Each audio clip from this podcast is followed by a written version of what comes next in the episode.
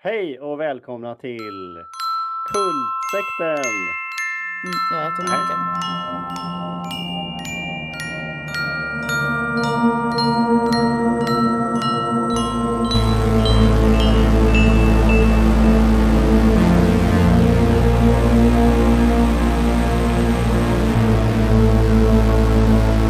Idag så har vi, eller idag ska vi prata om eh, två sista avsnitten ur The Haunting of Hill House. Det är ju en säsong två på gång. Den heter typ någonting Bly Manor. Nu kommer jag inte ihåg vad. Jag tror att den heter The Haunting of Bly Manor. Är det så? Mm. Ja, och om, eller, Hill House är ju baserad på en roman, är det väl, av Shirley Jackson. Och Bly Manor är baserat på en roman av Henry James. Turning the Screw, just det. Mm. Oh, jag börjar jobba igen på måndag. Mm. Hur känns det? Ja, det känns väl helt okej, kan jag tycka.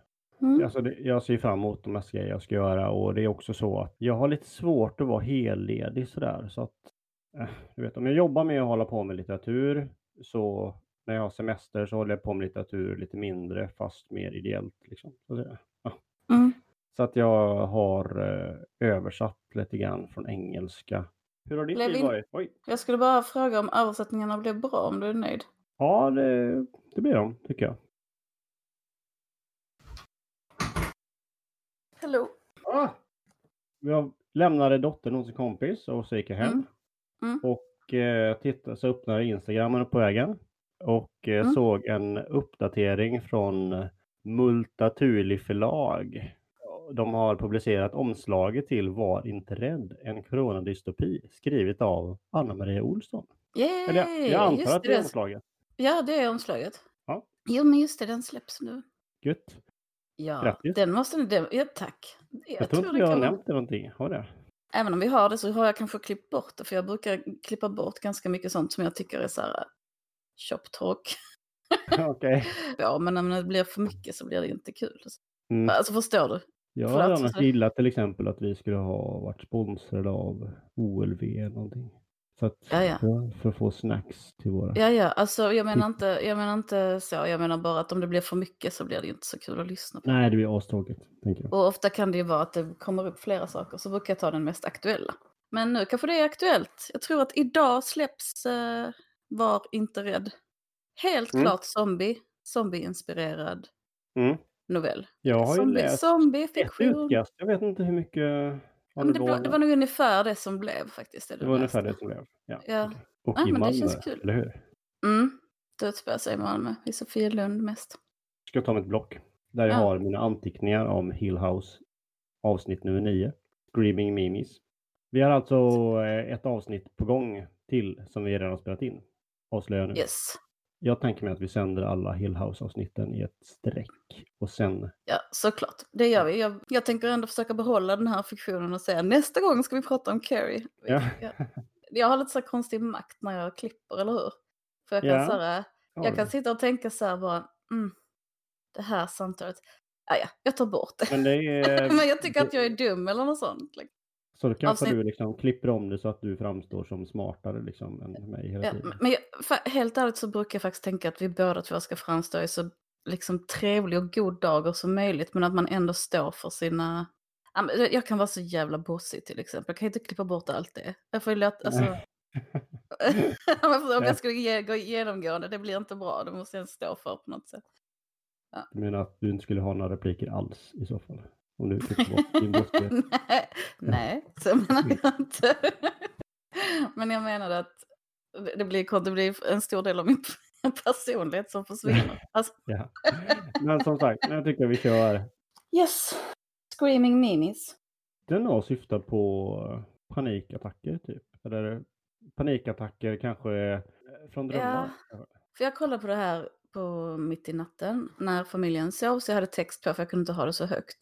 Mm. Och då såg jag att de översatte Screaming Mimis med panikattacker, men de menar ju Ja. liksom alltså sådana mardrömmar som man vaknar Ja, skrikande av.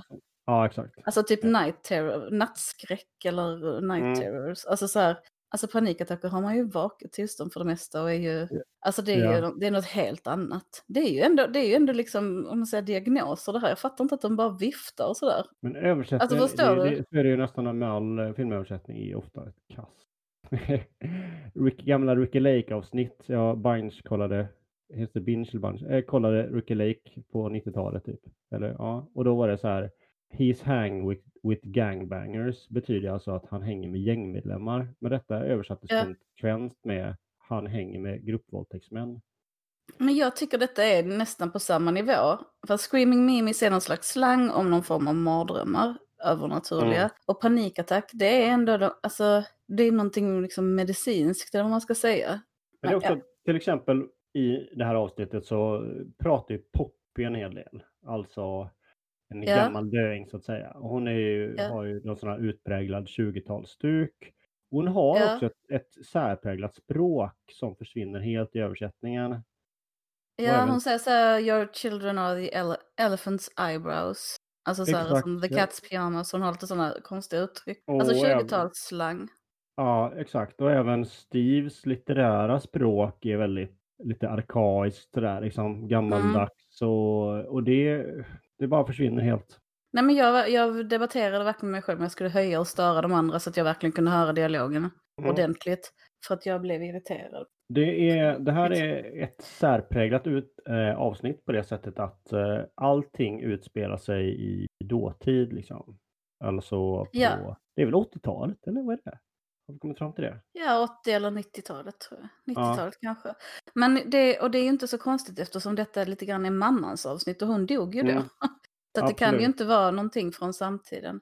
Det är mammas Ehm. avsnitt och om avsnittet innan väl var en hel del att Mr Dudley och pappan pratar en hel del så är det ett avsnitt där Mrs Dudley, Clara och eh, Liv, mamman, pratar en hel del. Och det är Just så det. börjar att eh, Clara st- städar upp efter stormen. Liksom. Nej, en, en scen innan.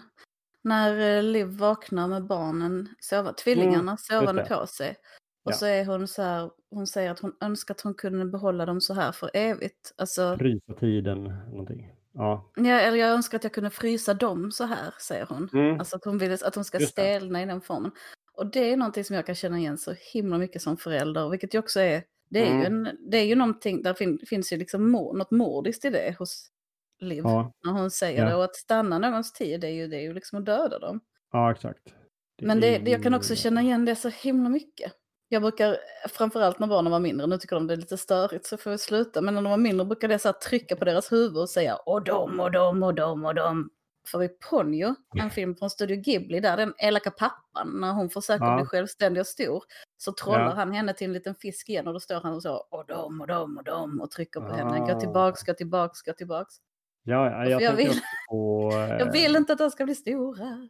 Never Neverland. Där är också tiden står still. Ja, just det. Ja. Och eh, flera sådana grejer. Ja, men det blir konstigt för det blir så att barnen inte äger sina egna liv och sin egen tid. Alltså Mm. att, de, att de är till för en. Men samtidigt så tror jag också det är ganska, alltså det är också en del av föräldrakärleken att tycka om dem precis Absolut, som de det- är och inte vilja att något ska ändra sig. Liksom. Ja, alltså sen är det ju såklart, eller där att, liksom att man vill ha kvar den närheten som finns när de är små och somnar på ens arm liksom. Och sådana grejer. Mm, ja, sånt. Ja. och hur gulliga de är. Jag, jag Ja, älskar är bebisar. Gud, Ja. jag tycker så himla mycket om bebisar. Du är inte lika förtjust? Eller Nej, men jag tycker nog att uh, bebisar är ju söta, men att de är lite, barn är lite roligare när de blir lite större. Ja, Alltså inte Nej. men, jag menar inte tonåringar då, utan så här, ja, jag förstår. två, tre, fyra liksom. Sen var det det här, den scenen som du vill börja prata om.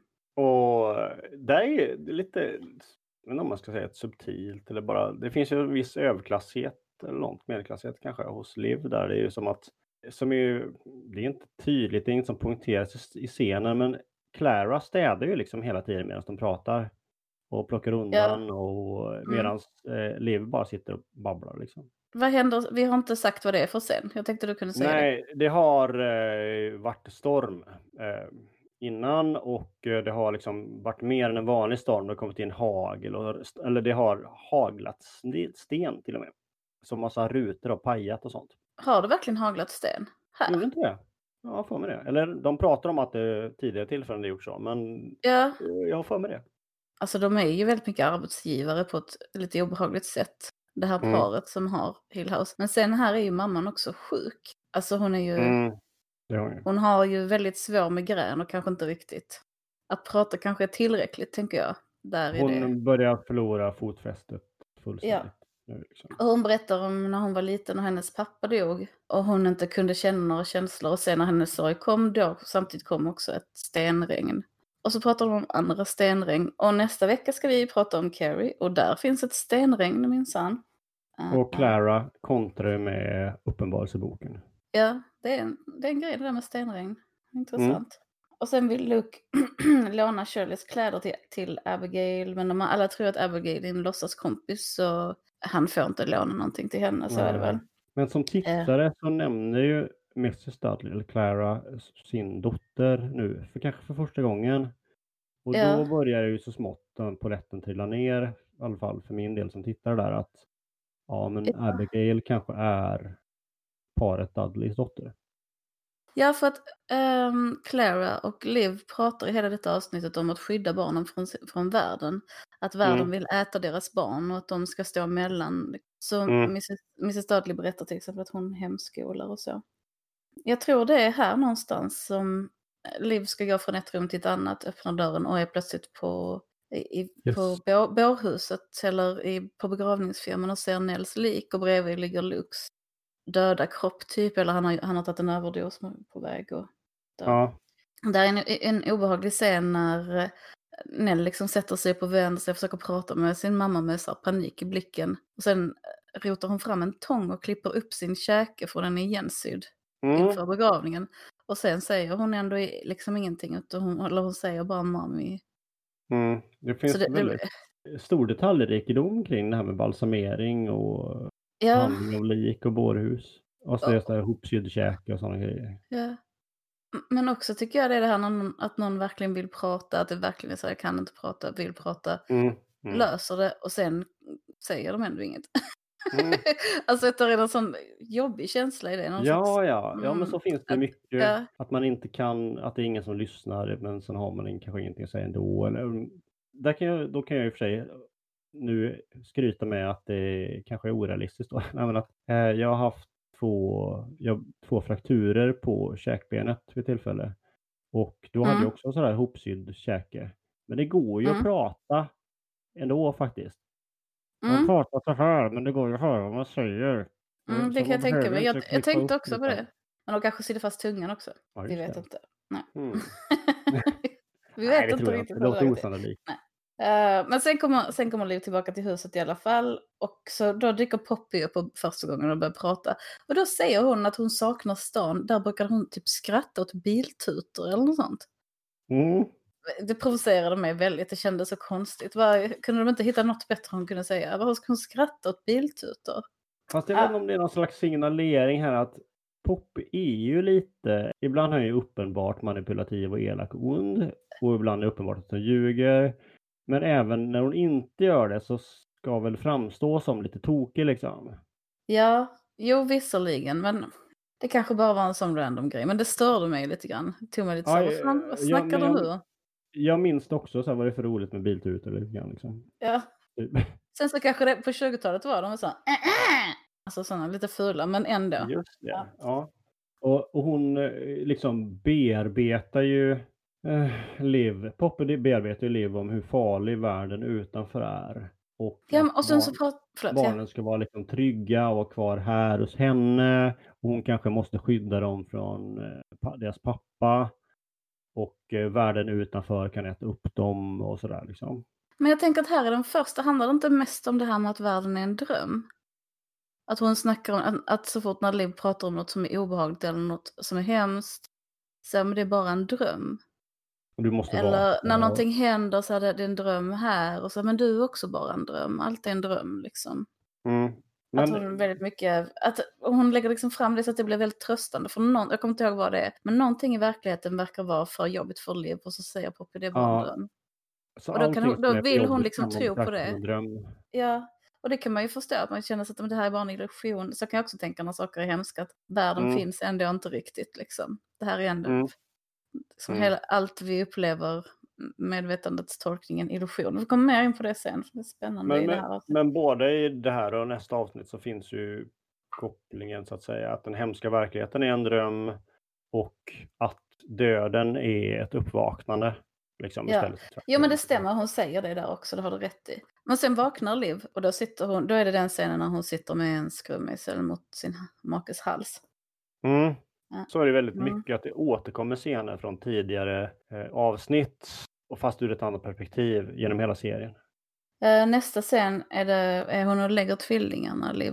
Och då säger Nell så här, tänk om du skickar ut, tänk om du dödar oss. Tänk om du skickar ut oss i den grymma mörka verkligheten. Och jag bara blir ledsnare och ledsnare och ledsnare tills jag måste dö. Och Luke säger någonting liknande, tänk om du skickar ut mig i mörkret och jag mår så dåligt så jag måste spruta gift i mig själv. Varje dag måste jag spruta gift i mig själv tills jag dör. Tänk om du gör det.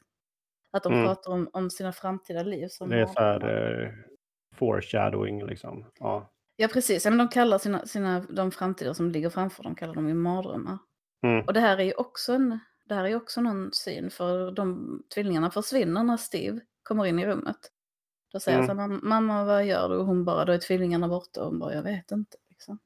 Och sen, är- sen pratar Mrs Dudley och um, Liv. Och då Mm. står Mrs Dudley framför en ängel, har du märke till det? Nej, Hon står framför på. en ängelstaty så att det blir precis exakt som om hon har änglavingar. Aha. Och samtidigt är Som det så att väldigt mycket av det, det har jag inte märkt till, men väldigt mycket av det Liv säger gör att man kan tolka henne som en häxa. Ja, det tänkte jag också på. Så att det finns en sån uh, ond, god, gud, djävulen, häxeri, ängel, kontraster väldigt mycket Kanske, mellan. men Clara, Clara tycker jag inte alls.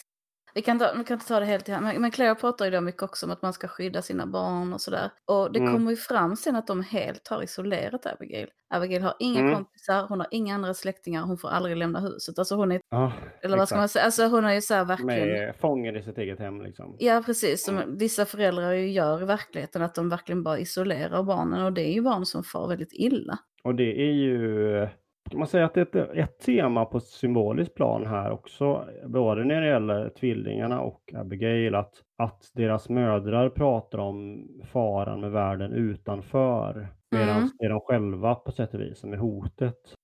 Ja, precis. Att de är... Den farligaste det- platsen är ju hemma. Ja, exakt. Det är som det brukar vara. Sen så tycker de att det är ännu farligare utanför. Eller, alltså, Ja. Det, det är också mycket prat om det här med att oroa sig för sina barn och rädslan för sina barn. Och att man inte får... Ingen får lov att säga till en, oroa dig inte. Utan som, om man har haft de här människorna inne i sin kropp. Jag, tror, jag kommer inte ihåg vem det är som säger det. Men jag tror det Mm. är Dudley. Att om du, har, de, om du har haft de här eh, varelserna i din kropp har ingen annan rätt att berätta för dig hur du bäst ska skydda dem. Ja. Eh, vilket jag tycker är någonting som man också kan se ibland. Alltså, Mm. också sån här föräldersvårighet att skapa en tydlig gräns mellan sig själv och sina barn och förstå att Mm. men bara för att den här människan har levt inne i mig så betyder det inte att jag har någon rätt att styra Ja, det är deras också så. liv. Liksom. Absolut, och det blir ju så hur mindre barnen är. Hon bryr sig ju inte, eller ser väl liksom, det är som att Liv ser Theo, Cheryl och Steve som förlorade redan så att säga. Ja, har precis, att de är har förlorat självständiga. Till, de är självständiga och förlorat till världen medan tvillingarna är fortfarande så små så att de vill sova i hennes armar. Liksom. Ja, och det tycker jag tycker det är himla coolt eftersom det också är de som, har, som sen lider mest. Mm. Det är de som är Absolut. yngst när de kommer in i Hill, Hill House, det är de som är mest knutna till föräldern när föräldern flippar och det är också de som då tar mest skada. Liksom. Ja. Det är väldigt psykologiskt ärligt på något vis. ja, det är det absolut. Att det inte är det här eviga föräldrar har, barn har alltid bäst hos sina föräldrar stuket till exempel. Nej, precis. Exakt, det är, nej, och det är ju det som är skräcken i Hill House, att det är hemmet som är hotet. Ja. det gillar jag väldigt mycket. De bestämmer att uh, Cheryl ska åka bort till eh, syster Janet. Liv. Nej, ja, Liv ska åka bort till syster Janet, helt rätt. Och hon går in i en taxi och ska åka till flygplatsen och säga hej då liksom. Och sen så ringer hon då från ett hotell när hon har kommit fram och inte får, eller hon ringer Jag från ett hotell ju- i närheten och säger eh, jag är framme. Och sen åker hon tillbaka. Jag tänker att det är s- av en anledning att det är samma motell som de åker till senare också. Eh, Absolut. När de flyr från tror huset och till samma motell som de bor på i nutid så att säga. Jag tror också det. Mm. Ja, måste det väl nästan vara. Det ser väldigt likt ut också. Och eh, när Mrs Dudley träffade Liv så var hon på väg med färg till eh, Steve. För att han Mm. skulle fixa till den här pigtittaren till henne som inte var en pigtittare. När hon, hon, blir jätteglad hon får den men sen när hon tittar i spegeln så ser hon ju tvillingarna bakom sig eh, som vuxna och då klappar hon till spegeln så att den pajar liksom. Ja, och det är därför de bestämmer att hon ska åka lite så direkt. Liksom. Mm. Eller hur? Men hon, hon säger att hon har kommit fram och sen så åker hon tillbaka på natten. Och då har ju Poppy berättat en hemlighet för henne om hur man väcker barnen ur den här fruktansvärda drömmen som är livet. Mm. Så hon står med en dockservis i köket och håller på att blanda någonting när Cheryl kommer in. Men Shirley är så Mm. pass stor så hon tycker bara att det är konstigt att mamman är där och att mamman också är knäpp. Så hon går till pappan och berättar det. Ja, eller Ja, under tiden så har, har hon har gjort färdigt och det har vi ju sett, eller det har framgått liksom att det är råttgift hon blandar i teet. Och hon samlar ihop de små barnen. Eh, och då är, det har vi kanske inte nämnt, eh, hon samlar ihop eh, tvillingarna men så, och då visar det sig att Abigail är ju på plats också. För att eh, det har Luke frågat om, får Abigail sova över när du är bortrest? Och, Ja. eh, och sådär liksom. Så Och de säger- sagt, och Nell har ju hela tiden velat ha ett Tea Party. Så nu ska de upp och äntligen ha ett Tea Party i det röda rummet. och pappan springer till köket, ser att det är råttgift och börjar leta efter, efter mamman och barnen. Och hittar dem uppe i röda rummet. När de sitter och har tea party. Men den enda som har hunnit dricka av teet än så länge är Abigail. Och Abigail har också så här fradga kring munnen och problem. Men mamman säger att oh, hon håller bara på att vakna. Liksom. Sen kommer pappan och slänger undan allt teet, tar barnen och springer iväg och sätter dem i bilen. Då är det den scenen som hela tiden, hela tiden har kretsat om. Den här Mm. natten när de satte sig i bilen. Och från början har man ju tänkt att det var den natten när det började spöka så jävla mycket. Och att det var så Mm. hemskt därför att huset har flippat. Men nu blir, huset har ju, har ju liksom blivit knäppt genom mamman. Märker man. Ja, Att det är hon Ja. som försöker döda barnen och det är henne han verkligen skyddar alla ifrån. ja exakt. Även om, även om alla spöken också blir galna av mordet antar jag. Eller det här är liksom barnmördarfesten. Mm. Mm. Det, det finns en antydan här också som bekräftas i senare avsnittet att, att det röda rummet är liksom en slags parallell verklighet kanske. För att samtidigt som Cheryl och Nell vill in i röda rummet så är och bankar på dörren, så innanför dörren så finns Tio och tittar på dansvideos liksom och försöker dansa. Ja, och undrar vad det är som bankar och tycker det är obehagligt. Liksom. Mm. Mm. Men de hör inte varandras röster eller någonting. Mm, Nej. Efter att pappan har hämtat ut eh, barnen så kommer den scenen igen. När han hämtar Steve, som är från det första avsnittet tror jag. När han Mm. springer in på rummet, lyfter upp stora Steve som om han var ett barn. Och så ställer de sig vid dörren och det är så jävla läskigt i första avsnittet när dörrknoppen liksom vrider och någon ska komma Mm. in och man vet inte vad det är där och man vet bara att det är skitläskigt. Nu vet Ja. man att det är mamman som står på andra sidan och vrider på dörrknoppen och att pappan liksom gömmer sig så rädd med ungen. Ja. Eller med, med ett av sina stora barn. Men sen kommer den här gamla tanten som har dött. Hon Ja. kommer och säger att lyssna inte på Poppy. Och följ med mig här. Liksom. Poppy ljuger. Så då släpper mamman det dörrhandtaget och det är då Steve och pappan flyr. Mm. Eh, och han är den sista in i bilen, sen drar de. Poppy matar ju på med det här liksom. Han försöker ta barnen från dig, de kommer råka illa ut. Ja, han tar dem in i mörkret. Nu går de Mm. mot sin död. Så, ja. Men sen så efter den här gamla kvinnan liksom säger att Abigail, nej, få mycket namn, att Poppy Ja. ljuger, då trillar liksom polletten ner lite grann att så här, jag har mördat Abigail liksom. Inser mamman Liv. Tror du det? Jag tror inte hon fattar det där. Tror jag inte. inte, hon är väl så här, nej, nej, nej, nej, nej. Hon, när hon hittar Abigail igen, ja. Ja, Är det i detta avsnittet? jag tror det. Ja, just det. Hon går till Abigail och, och då säger Poppy också något så här, men du vill, du vill ju vakna och hitta barnen i sina sängar eller någonting som att, Mm. ja, jag vet inte, det var jätteförvirrande där tyckte jag. Ja, Man har ju som tittare har man liksom varit så här. Man har inte vetat liksom om det är huset eller Liv eller Hugh som har försökt döda barnet så att säga. Om det har varit eh, om han Nej. har dödat henne eller inte eller om hon har dött av en olycka och sådana saker. Det har ju varit. Det har väl antytts att hon på något vis har tagit livet av sig. Har det inte det? Jo, jo, de har ju sagt Men det har det. funnits en misstanke om att, att pappan kanske dödar henne också. Mm. Ja. Jag har hela tiden trott att, alltså för nu har jag glömt sen förra gången sen, så jag har trott att Abigail var ett spöke. Mm. Jag tror det är först när jag ser liksom mamman och hennes panik över att hon har dödat det här barnet. Det är Mm. först då som jag liksom tänker att oj, var hon kanske riktig? Mm. okej. Eller så. Eh, Nej, men jag tyckte att när jag hörde Mrs Dudley prata om sitt barn och Ja. att hon hade en dotter i samma ålder, då började jag tänka att aha, det här, det, Abigail är hennes dotter liksom. jag, först, ja, men jag tänkte nog mer att hon bara var knäpp, att hon hade fler hade spökbarn eller någonting. Liksom. Ja, okej. Ja, men sista scenen i alla fall är första gången de kommer till huset, hela familjen, en tillbakablick till det. Ja, men när hon eh, slänger sig efter trappan också. Eller trappan. Hon, Ja, hon, kommer det där? Jag har Ja, inte ens skrivit gör hon något om det. Det måste det göra. Hon tar livet av sig. Ja, hon hoppar ner för trappan. En hög spiraltrappa. Fan vad förvirrat, men det är ett förvirrat avsnitt detta, så det är inte så konstigt att vi är lite fram och Mm. tillbaka. Men i alla fall, sista scenen så säger, säger pappa någonting i stil med Har du inte alltid önskat en ändlös sommar? mm, Eftersom det kommer ta lång tid att renovera huset och bla bla bla. Ja. bla. Jag vet inte, jag tänker på det nu när sommaren håller på att ta slut. Det där. Det är någonting, ja, med, jag har ja. pratat om det innan i varje avsnitt, det är någonting med sommar och tidens gång. Som är så Ja. tätt förknippat, att somrar tar slut, det är så här, livet tar slut. ja. Symbolik för mig. Ja, ja. ja. Jag måste erkänna att idag är en av de här dagarna när det är 30 grader varmt i Malmö och det är lite för mycket för mig. Eh, Så att för min del är det så. ja, Jag, jag tycker nästan det är plågsamt varmt när det är så pass mycket.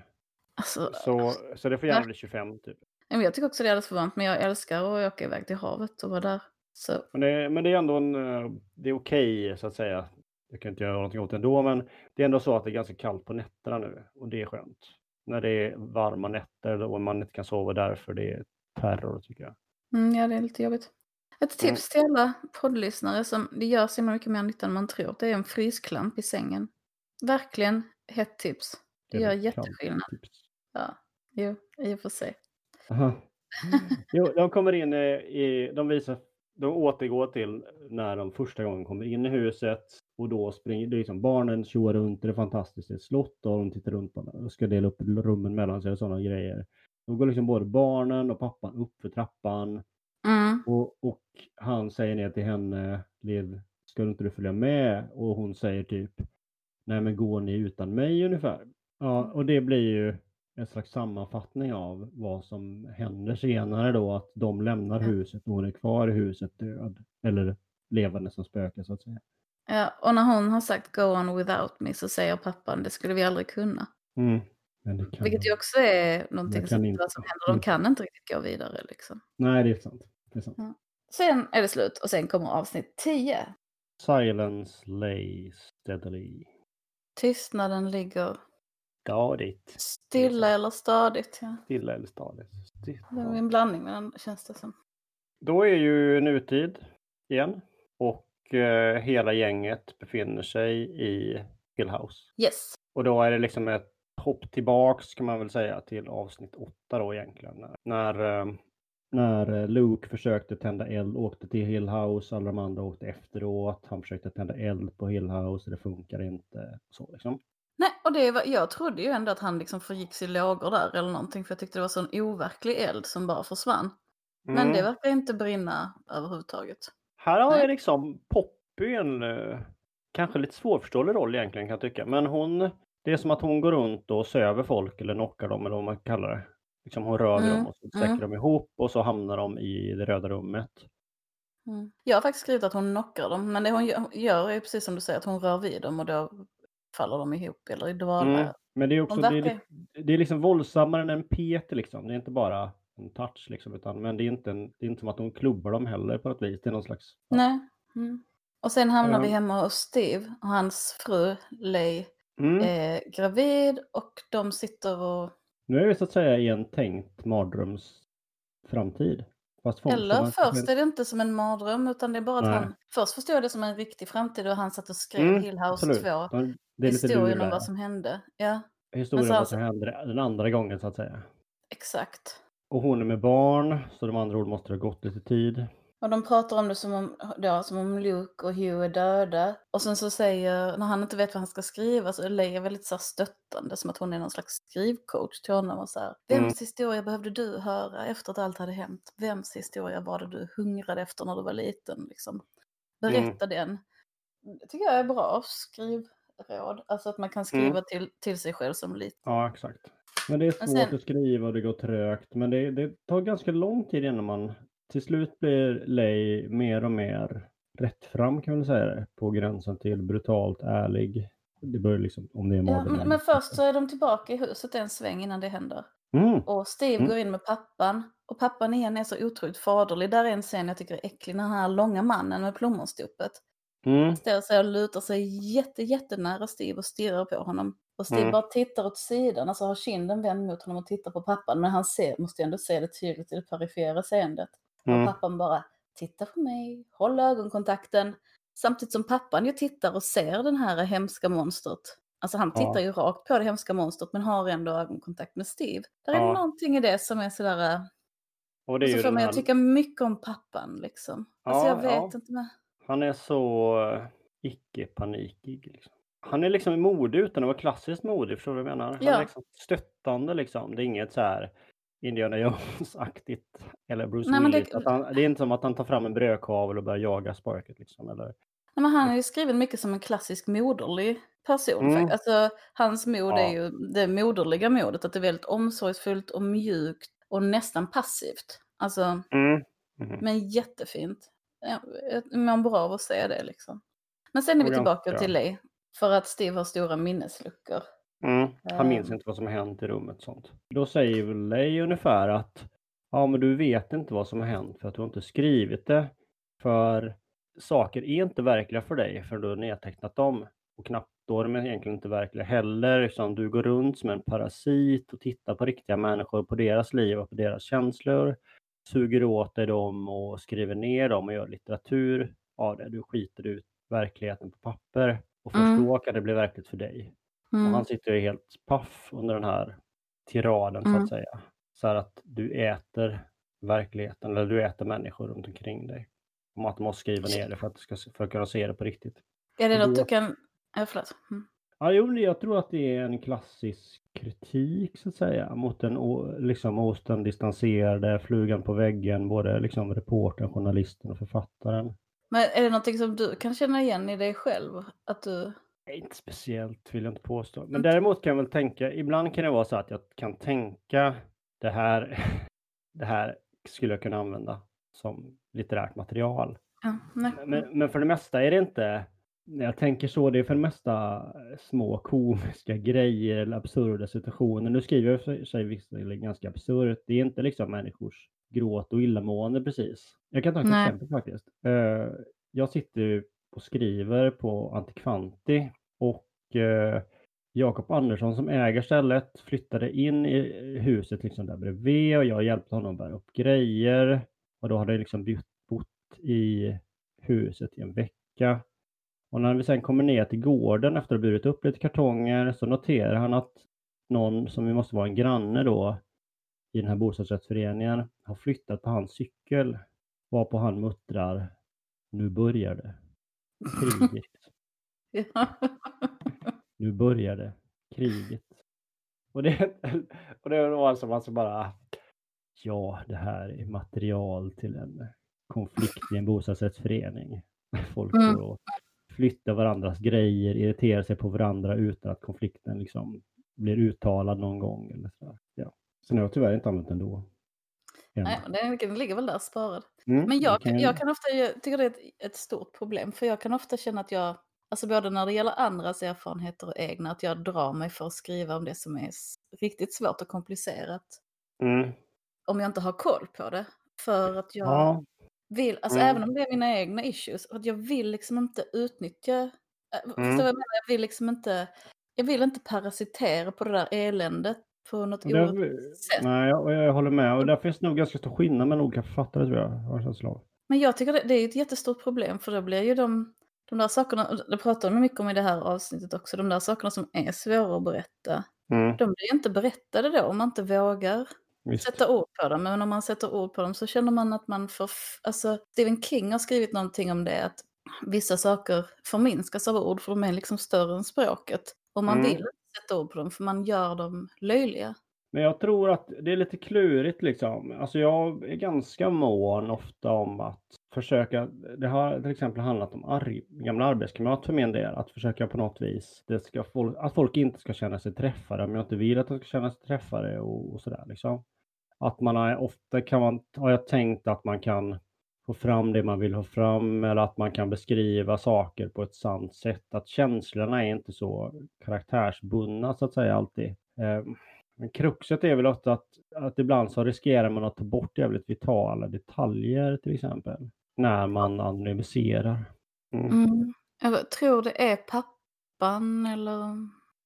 Jag tror det är pappan som säger någonstans att vissa, i det här sista avsnittet så säger han att vissa saker går inte att, att berätta, de går bara att leva. Mm, och det tänker jag också. eh, Ja. Och det är kanske, men det tycker jag ändå är, det tror jag inte jag är helt ensam om, det är ändå där i de trakterna man ofta rör sig som författare. Att man försöker hitta sätt att berätta det som Ja. inte går att berätta liksom. Jag kan tycka Ehm. att i, i litterära samtalet idag så finns det en s- faktiskt... Å ena sidan kan det finnas kravet på autentic- autenticitet, men i alla fall i Sverige idag så är det väl, är väldigt genomgående uppmärksamhet att alla får skriva om allt. Och det är klart att folk, alla får naturligtvis skriva om allt, men tycker jag. Men ehm, samtidigt så är det så att fantasin har också sina begränsningar. Liksom. Alltså att har man inte upplevt eller varit med om vissa saker så, så blir det inte så där jävla bra faktiskt. Alltid. Nej, men det blir också så att har man inte upplevt vissa saker så kan man kanske inte heller förstå det någon annan säger. Jag tror det är det pappan är inne på. Där, Mm. att man kan, det kan inte berätta detta för att du måste ändå kroka i förståelse hos någon annan som redan finns där. Ja, Och finns den inte redan där så kommer du aldrig att bli förstådd. Och den ensamheten tycker jag ändå att de på något sätt i det här Ja, den- sista avsnittet mm. utforskar på ett intressant sätt. Även om jag är väldigt missnöjd med många Mm. saker i det här avsnittet så tycker jag det är fint Mm. att det temat hela tiden är där. Liksom. Ja, jag håller med. Eh, för där kan jag tycka att, och det kan finnas bryggor där ibland, att folk kanske inte måste varit, uh, liksom, varit med om precis samma saker, men det kan också vara så att utsatta människor kan relatera till annan utsatthet. Liksom. Ja, att- nej men det jag Ja. absolut inte att det måste vara samma, men det måste finnas en, en, någon slags botten som är lik. Absolut, men det jag menar ibland att när det gäller vissa fysiska erfarenheter så tror jag de är oerhört svårt att beskriva utan att ha varit med om det. Ja, men, Ja. För att ta ett simpelt exempel. Jag tror liksom inte att någon som aldrig haft sex skulle kunna beskriva sex på ett speciellt bra sätt. Nej, och det tycker jag ändå, där tänker jag ofta på den här, um, Man kan såklart härma andra, men det är inte Ja, eh, du skapa, skapa. Men, ja. Nej vad heter, Let them have cakes, vad säger den här, det här uh, skrönan om Maria Antoinette. Ja, Folket det. har inget bröd, men låt dem äta kakor då. Ja, Att där, det kan jag också, efter att ha upplevt fattigdomen och många år, så kan jag att ibland är det omöjligt att kommunicera. Man, bara, man upplever alla som Maria Antoinette när de kommer med sina jävla tips och råd. Bara Mm. här finns inga kakor ditt asshole. Alltså så. Och det är också ja som, exakt. människors bristande fantasi blir Och liksom. det, nu, vi pratade om Lykke Lake lite innan, eller jag nämnde Lykke Lake, och där kan det vara så bara tar upp någon eh, problem som har en liksom, totalt utarbetad ensamstående tremånadersmorsa har, liksom, som får knappt ekonomin att gå ihop. Och som, och så, men det är inte det problemet man tar upp, utan man tar upp problemet med hur hon förhåller sig till sina barn eller någonting, hur stressad hon är. Och men frikopplar det från ekonomin och hennes livssituation. Ja, liksom. Och så kan Lykke Lake säga, ja men du borde unna dig en helg på spa. liksom. Ja, det är missunnsamhet. Eh. Fan vad konstigt att du är så expert på Ricky Lake. Detta hade jag ingen aning om. Jag Men, tror det började med något slags, eh, du vet, bodde i kollektiv och så blev det, det var liksom du vet innan Netflix och nästan internet. Nej, men, och Mm. eh, det blev som att, det var också kanske att man liksom, man tittade på samma sak på tv och satt och kollade ihop och tjatade om det liksom. Och, ja. Men i alla fall, efter att Lei har sagt de här sakerna så börjar, hon är ju höggravid. Men då bara så här, oh tänk om din baby också är så här och sen typ ruttnar hon inifrån för att hon säger att Steves barn som är inne i henne äter henne. Eller hur? Mm. I en eater liksom. Ja. Och sen är vi tillbaka i röda rummet och där tror jag att det är Shirl som håller på att ge Luke HLR för han ligger och, med en spruta i armen Eh, och så här blodfärgad fradga runt munnen. Det är rätt så fint, eller det är sällan man ser de här konstiga orangea safterna som kommer ur människor när de går sönder och så på tv. Det finns misstag, eller, eller inte? om Ja. vi, eh, eller miss, men det är som att Poppy liksom knockar dem en och en och släpper in dem i Röda rummet. Men, de, men sen så väcks de en och en också av Nell. Ja, just det. Så det är Nell som väcker Steve Ja, där inne. Ehm, och då försöker Cheryl, som också har blivit väckt av Nell innan, eller om det kommer senare, jag vet inte. Eh, men då försöker hon göra HLR på Luke. mm. Och det går inte bra. Och lite grann ger de upp och sen får man då se Luke i det röda rummet med mamman och barn-Nell och Abigail på ett tea Mm. party. tidslinjerna är kanske lite märkliga, men det blir som att under tiden som de är sövda av Poppy och till blir väckta av Nell så går de igenom i huvudet så här jobbiga händelser som varit med om eller mardrömmar så att säga. Deras värsta drömmar. Ja, eller reder ut konflikter på något vis. Ja, och då är det, då är det, det första är ju Steve och ett Steve och Leigh, det här med barnet och att han eh, Ja, äter andras liv liksom och skiter ut som litteratur. Och för Cheryl så är det en otrohetsaffär som hon hade när hon var på någon vad heter, obducent? Konferens, ja, nej, Balsamerare. Eh, Begravningsentreprenörkonferens liksom. alltså för, för och Luke har man också fått se innan och han var tillbaka med den här tjejen som svek honom och lämnade honom utan pengar och skor på stan. Att hon, Mm. och hon fixar ett hotellrum och sen så försöker hon få honom att knarka. Ja, och där är någon... Är- det lite eh, berättar om ett barndomsminne där hon hade fått smisk från sin mamma för att hon hade krossat rutorna på ett växthus. Och hon berättar det för här ragget hon har, KK. Ja. Och så har hon också glömt varför hon brukade ha handskar. Och så har de Mm. sex och så är de utan liksom, känslomässiga skydd. Hon har ingenting emellan. Och sen kommer tusen Mm. händer bara över Theo. Mm. Gråa likhänder och liksom drar henne neråt. Och då drar Nell upp henne och så hamnar hon också i röda rummet och ser att Cheryl håller på att ge HLR till Luke. Och sen klipper det till röda rummet där Luke är igen tror jag. Och barn-Nell säger till Luke bara nej, stick. Nej, Ja. stick. Medan Och sen vaknar han. Liv är väldigt så här, åh äntligen är du här, Ja, jag ja, på precis, så dig, du har knackat på liksom. dörren så länge liksom och nu Ja. ska vi samlas här ihop och vara trygga tillsammans. Men sen sitter Theo vid Luke när han vaknar ur eh, sin halvdöd där. Och det känns det som att hon har gjort lite bättre HLR tycker jag eftersom hon ändå är medicinutbildad. Men jag vet inte. Alltså, Mm. Jag har ingen aning men det känns som att det...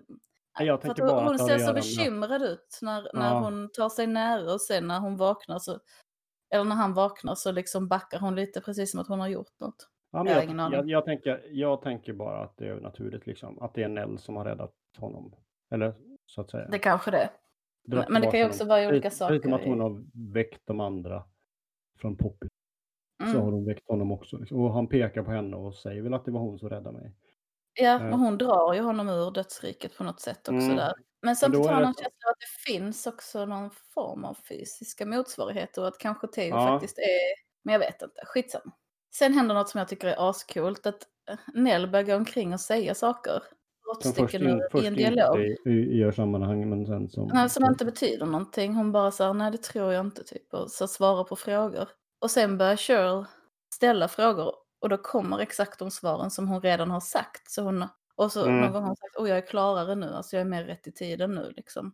Mm. Fast det var hon inte då. Men nu när hon säger det är hon det. Alltså det är jättesnyggt tycker jag. Jag Absolut. älskar det. Hon, och hon pratar om att hon först uppfattade tiden som en linje, som dominobrickor som trillar och följer på varandra, men att den snarare är ett regn liksom, av ögonblicksbilder.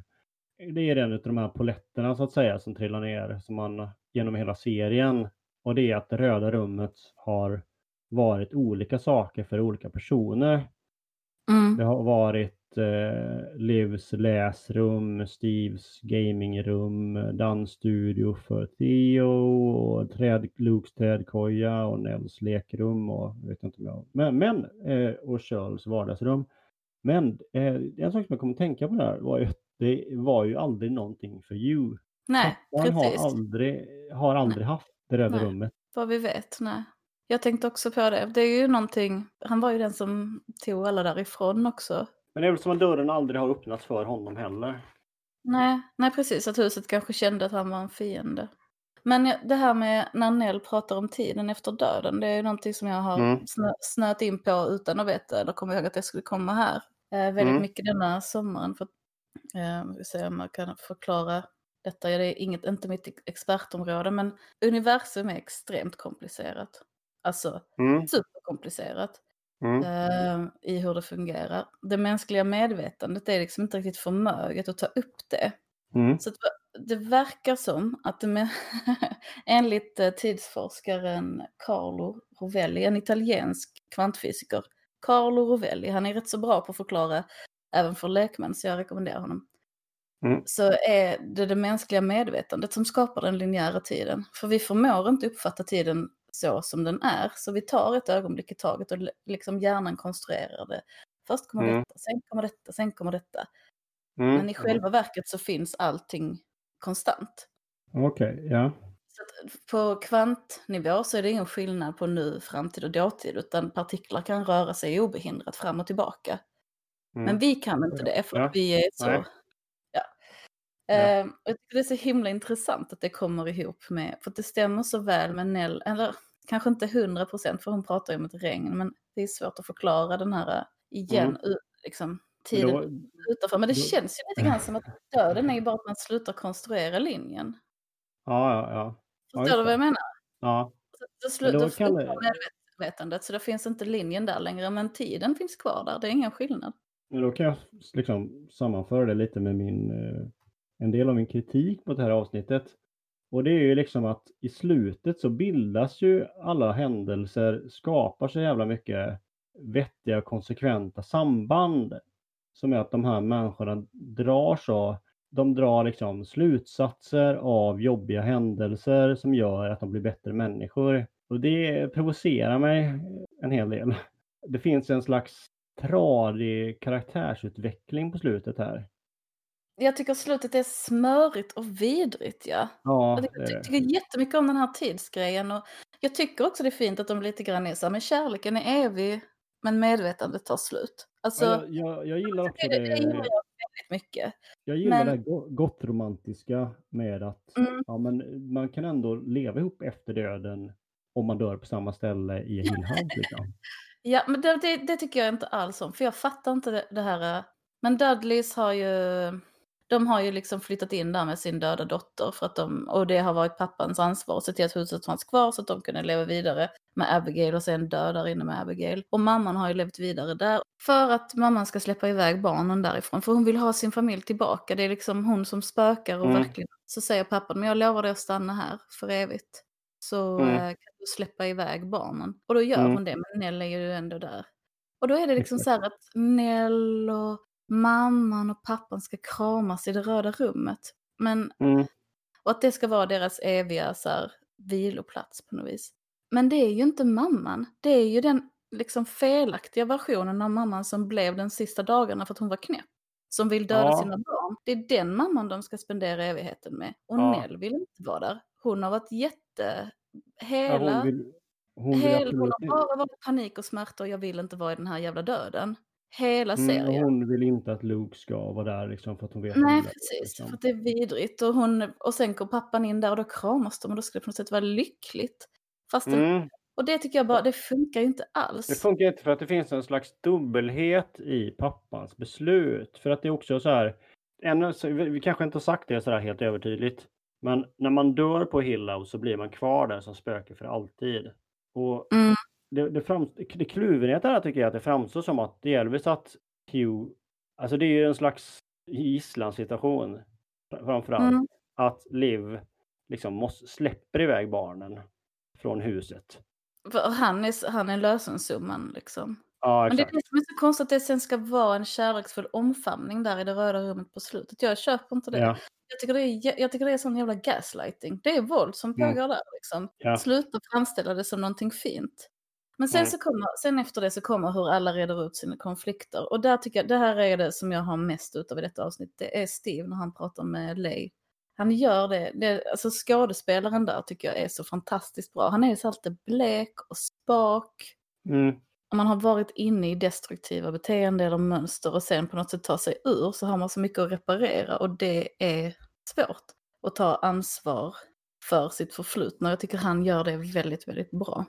I övrigt så är det lite platt och lite smörigt att alla får lyckliga liv och la di da di da. Cheryl bekänner otroheten, Theo vågar närhet, Steve tar ansvar för avstängdhet i det förflutna.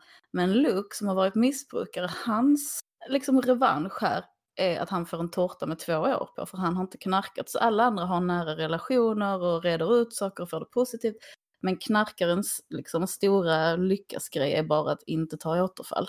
Det tyckte jag kändes Mm. lite fattigt. Det kändes Mm. lite oschysst för Lukes del. Men sen är den ju slut.